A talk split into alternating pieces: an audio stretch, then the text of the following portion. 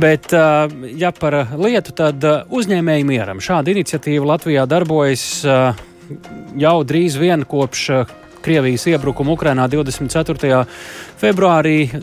Ja tā ir bijusi pirms tam, tad mēs par to noteikti zinājām daudz mazāk nekā tagad, bet viņi jau kopš uh, savas darbības sākuma ir saziedojuši 2,5 miljonus eiro. Tie droši vien ir kopā jāskaita gan finanšu līdzekļi, gan humānā palīdzība šād, šajā vērtībā kopumā. To tūdaļ arī precizēsim. Nu, un uh, aprunāsimies, uh, lai uzturētu šo ziedošanas kultūru un vajadzību, noskaidrosim arī aktuālāko uzņēmēju mieram pārstāvi Ieva Driksna pie programmas pēcpusdienu klausulas. Labdien! Labdien! Cik tālu ar ziedošanu šobrīd ir tikts gan finanšu, gan cita veida palīdzības ziņā, ja runājam tieši par iniciatīvu uzņēmēju mieram?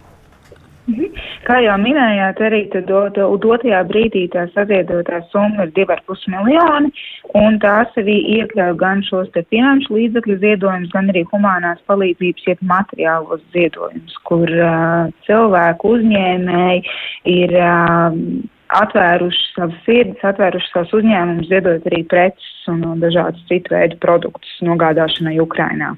Mērķis jūsu ir tieši uh, skats uz Ukrainu, jo mēs zinām, ka arī šeit ir uh, daudz bēgļu Latvijā. Uh, kā šīs prioritātes jums?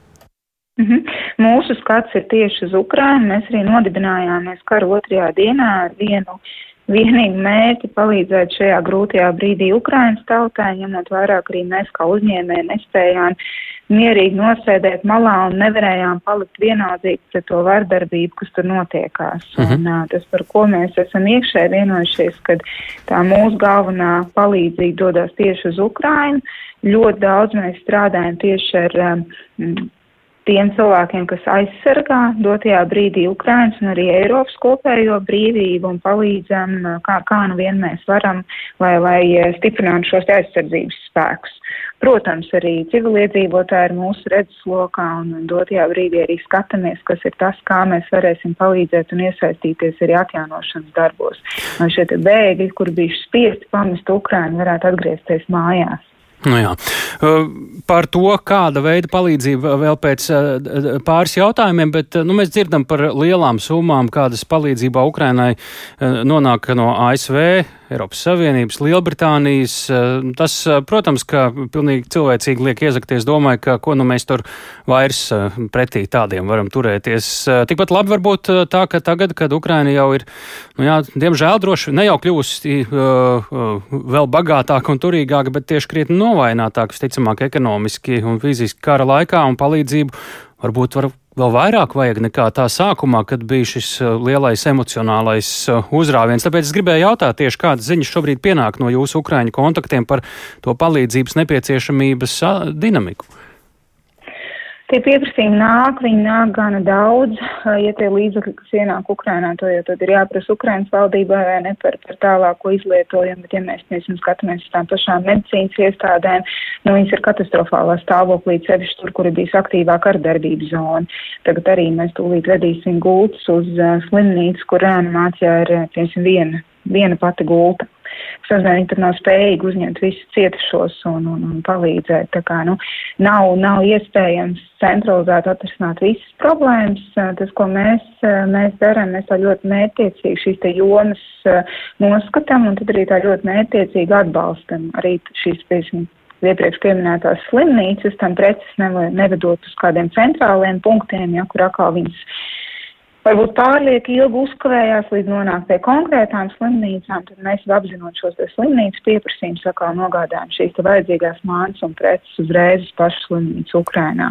Tad medicīniskā palīdzība vai tās atbalsts, cik es dzirdu, tad varētu būt varbūt pat pats lielākais no tā, ko jūs sniedzat, vai arī ir vēl citas Um, militārais arī viennozīmīgi tajā, cik daudz kā mēs kā civiliedzīvotāji to varam izdarīt. Jā. Tas ir um, tas pats uh, taktiskais ekipējums, apģērbs, kas ir ļoti nepieciešams. Mm. Tam, kad bija augsts, tad, tad palīdzējām ar dažādām termolietām, dotajā brīdī paliek silts, atkal rodās citas vajadzības, vai ne? Uh, jā, tā kā tās pašas vieglās automašīnas ir tās, uh, ko sadarbībā ar uh, Rēnu Pozņuku arī nogādājam.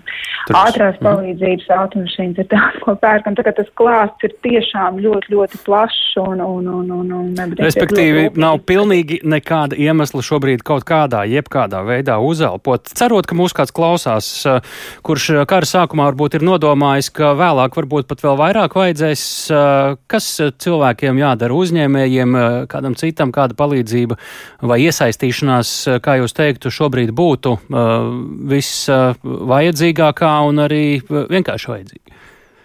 Aicinām turpināt ziedot gan finanšu līdzekļus, arī ziedot LV mājaslapā ir izvietots šis mūsu projekts, kur ir iespējams ļoti ērtā formātā noziedot iespēja robežās šo te finansiālo atbalstu, kā arī droši var vērsties uzņēmējiem mieram mājaslapā vai Twitter kontā, kur tad var mūs uzrunāt, tā kā, ja tās ir kāds ziedojums preces vai māns, kurus jūs būtu gatavi nodot Ukrainai, palīdzot viņiem šajā vis, visnotaļ ļoti grūtajā brīdī.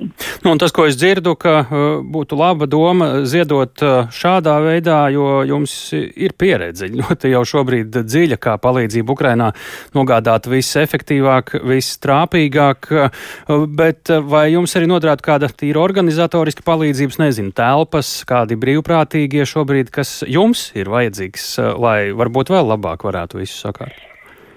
Savu komandu mēs esam nokomplektējuši. Mm -hmm. Jāsaka, godīgi, ir fantastiski cilvēki, ir cilvēki, kas kas šo dara tiešām aiz, liels mīlestības un liels cilvēcības. Tā kā tādā ziņā mēs, mēs esam atraduši to savu komandu, ar ko mēs kopā strādājam un palīdzam. Jāsaka, īsumā liela paldies arī aizsardzības ministrijai, ārlietu ministrijai, nacionālajiem bruņotajiem spēkiem, kur ir vienmēr bijuši ļoti atvērti un kur ir izveidojusies arī kopistiska, fantastiska sadarbība. Vai ir kāda vieta, kur klausītāji var aiziet arī paskatīties uz to atgriezinisko saiti, eh, palasīt, eh, redzēt, eh, ko jūs saņemat no Ukrainas? Mhm. Facebook un Twitter ir noteikti tās visaktīvākās vietnes, kur, kur veicam šīs informācijas apmaiņu. Mm. Tas, kas ir jāņem vērā tajā brīdī, kad ir militāriem cilvēkiem šīs krāpes nevienmēr ir iespējams saņemt atpakaļ, varbūt kādus video. Un nevienmēr arī vajag, jā. jā. Jo, jo, tas, jo, jo, jo tas tā kā apdraud, var apdraudēt viņu dzīvību, vai ne, izsakojamību, kur atrodas un kas ir aizvests. Tā kā um, ievērojam to, kas ir jāievēro, noteikti pēc kara varēsim vēl plašāk un vairāk mm. pastāstīt. Liels paldies, ka sarunājāties ar mums. Liels paldies, ka darāt to, ko darāt. Sarunājāmies ar uzņēmēju mieram pārstāvju Ievu Driksnu programmā pēcpusdiena.